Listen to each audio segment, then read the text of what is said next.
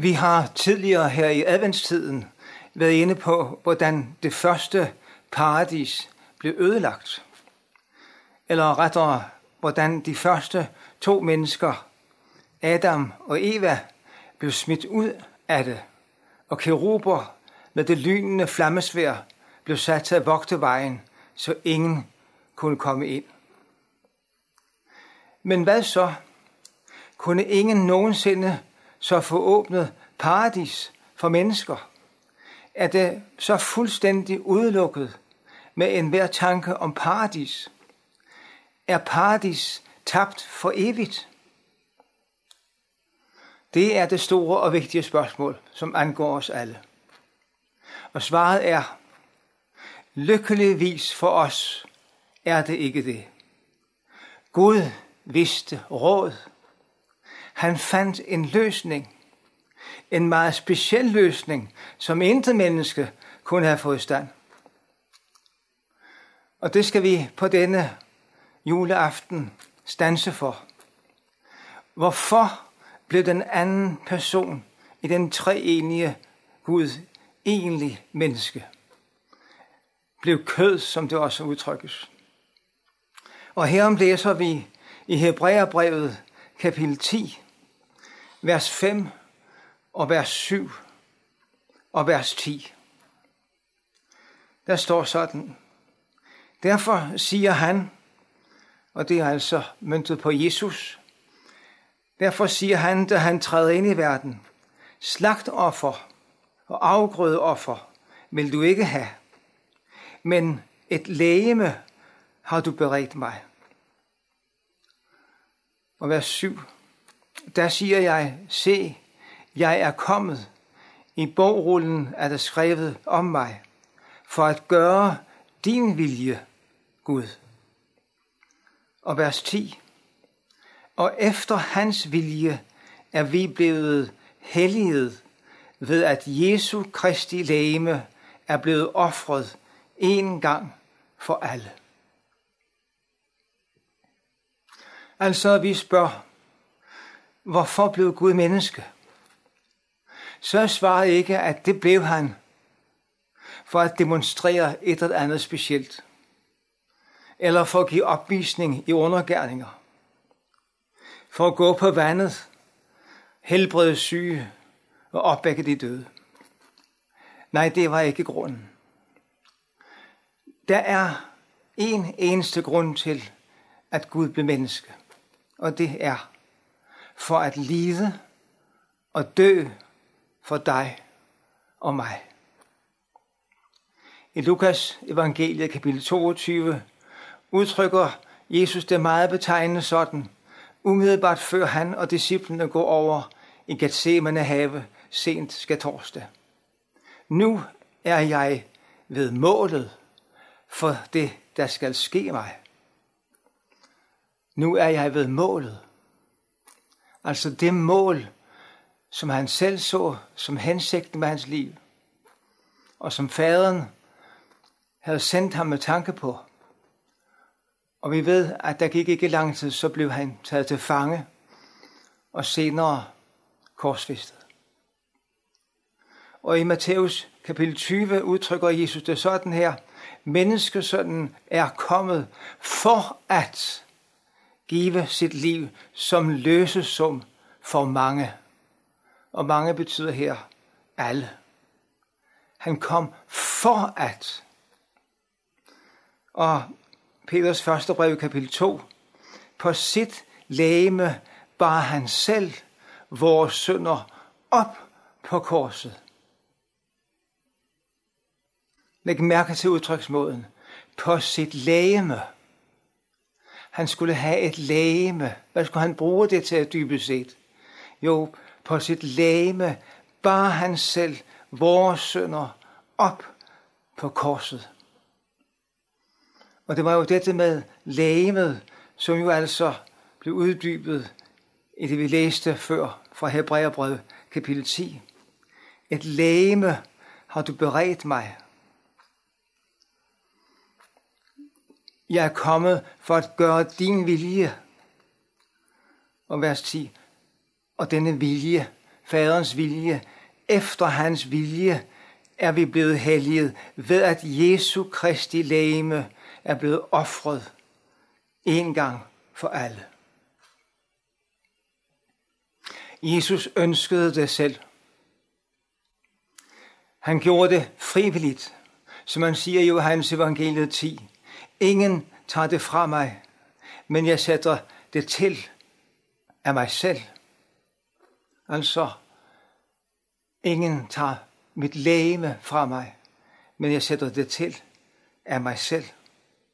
Og hvad faderen angår, så står der i Efeserbrevet kapitel 3, efter hans beslutning fra evige tider, som han gennemførte ved Kristus Jesus, vor Herre. Og her er vi også inde ved selve frelsesagen. Efter hans beslutning fra evige tider. Altså, Jesus kom i en hensigt for at ofre sit eget liv, sin person, alt hvad han rummer for dig og for mig. Hvor er det forunderligt at tænke på. Hvordan kunne Jesus sige ja til at gå igennem alt det forfærdelige, han så måtte gå igennem? Jo, det svarer Hebræerbrevet 12 på. Men der står i vers 2 om Jesus, som for den glædes skyld, der ventede ham, udholdt korset, uden at ense det skam. Det var forfærdeligt, det med korset. Langt forfærdeligere end det, som kirkekunsten har kunnet fremstille. Meget, meget værre. Og det værste, det ser vi ikke med vores øjne. For det er skjult for vort blik. Og det var jo dette, at han blev forladt af Gud. Oplevede fortabelsens gru. Hvordan kunne han holde det ud? Hvordan kunne han bære korsets skam, hvor han hang der nøgen på korset, til spot og spe for alle, der gik forbi, og som de også benyttede sig af. Håne ham, spotte ham, spytte på ham. Jo, svarede ordet her, som for den glædes skyld, der ventede ham, så udholdt han korset, uden at ense det skam. Hvad er det for en glæde, der ventede ham? Jo, det var denne glæde, at det, som han gennemgik, at det kunne blive til frelse for fortabte mennesker, som dig, kære lytter, og mig så han en dag kunne få lov til at dele sin himmelske herlighed med os. Det er paradiset. Og som han og så udtrykte det med en lejlighed i Johannes evangelie kapitel 15, står det, for at min glæde kan være i jer. Det var det, han ønskede. Det var målet. For at hans egen glæde kunne være i dig og mig. Hans fuldkommende glæde. Det er hans ubeskrivelige glæde. Og i Johannes evangeliet 17 han udtrykte sådan, Fader, jeg vil, at hvor jeg er, skal også de, som du har givet mig, være hos mig. For at de skal se min herlighed, for du har elsket mig. Vi skal være hos ham. Det er Jesu inderlige ønske. Det er Guds inderlige ønske. Og for at vi ved at være hos Jesus skal se, opleve i vores celle, i vores krop, hans herlighed. Hvordan han er elsket af faderen. Og Paulus bruger udtrykket i Kolossenserbrød 1, som også er umuligt at fortolke i dybden. Kristus i jer, herlighedens håb. Kristus i jer, herlighedens håb. Det er paradiset. Og endelig skal jeg citere Johannes evangeliet 12. Og når jeg er blevet ophøjet fra jorden, vil jeg drage alle til mig. Kan du se hensigten med det hele, med alt det, der skete med Jesus? Når færdselsværket var fuldført, så ville han drage alle til sig. Og du er med i den flok. Det gælder også dig, kære lytter. Tænk, hvad der ligger i det. Har du set det? Har du mærket det? Hvilken kærlighed til dig og mig, og til os mennesker i det hele taget. Jesus har syn og omsorg for alles timelige og evige ved og vel. Takket være Guds gerning ved Jesus, kan vi nu triumfere med Paulus i Efeserbrevet 1. I ham har vi forløsning ved hans blod, tilgivelse for vores synder. I ham har vi det. Tilgivelse for vores synder. For alt det grimme. For alt det slemme. For alt det dumme. For alt det skamlige i vores liv. Ja, for vores oprør mod Gud. Og nu kan vi, som Paulus udtrykker det i Kolossenserbrevet 1, et hvert menneske føres frem som fuldkomment i Jesus. Et hvert menneske. Tænk, det gælder også dig og mig. Vi kan føres frem som fuldkomment i Jesus. Og det vil jo sige et evigt liv i Guds herlighedsrige på en ny himmelsk jord. Det paradis. Alt sammen takket være Jesus. Og også takket være Fader. Og så fik Jesus navnet over alle navne. Så der er intet navn under himlen, hvorved vi kan blive frelst end Jesu navn. Så er der altså åbnet en ny, levende vej for dig og mig, lige ind til Gud selv. Lige ind i paradis. Den går igennem forhænget, taler Hebræerbrevet om, lidt senere i vores kapitel. Forhænget til det allerhelligste. Så vi nu har direkte adgang ind for Guds ansigt. Hvad er det for en vej? Nu står der her senere i kapitel 10, vers 19. Brødre, ved Jesu blod, altså ved hans selvhengivelse på korset, har vi altså frimodighed til at gå ind i helligdommen af den nye levende vej, som han har åbnet for os gennem forhænget, det vil sige ved sit jordiske lægeme. Det er hans jordiske lægeme, der er forhænget, men som samtidig er blevet den nye vej for os. Jesus er vejen.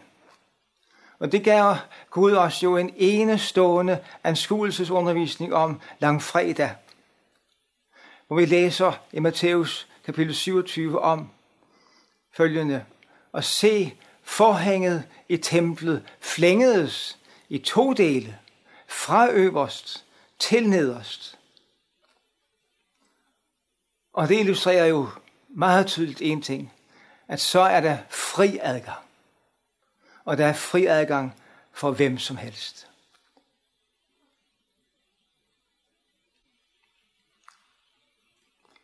Så har vi i Jesus en stor ypperste præst. En mega ypperste præst, som det står på grundteksten.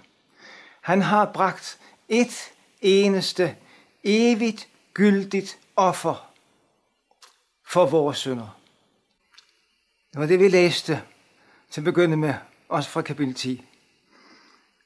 Med at Jesu Kristi lægeme er blevet offret en gang for alle. Hans lægeme. Og denne præst har frembåret et eneste evigt gyldigt offer for synder. Og vi kan tage vers 14 med. For ved et eneste offer, og det er stadigvæk hans lægeme, det drejer sig om, har han for altid ført dem, han helliger, til målet. Tænk, hvad Jesu selvhengivelse i døden rummer. En betydning for dig og for mig. ved et eneste offer skal aldrig gentages, så har han for altid ført dem, han helliger, til målet.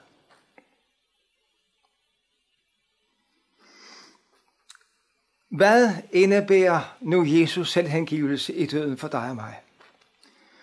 Jo, den indebærer flere ting, som også forfatteren til Hebræerbrevet kommer ind på lidt senere her i kapitel 10, vers 22. Lad os derfor, skriver han, derfor, ikke på grund af, at vi har succes som kristne, for det har vi ikke, men derfor, det vil sige på grund af Jesu offer, træder frem, nemlig for Gud. Og så kommer der nogle vigtige ting. Med oprigtigt hjerte. Og hvordan ser et oprigtigt hjerte ud?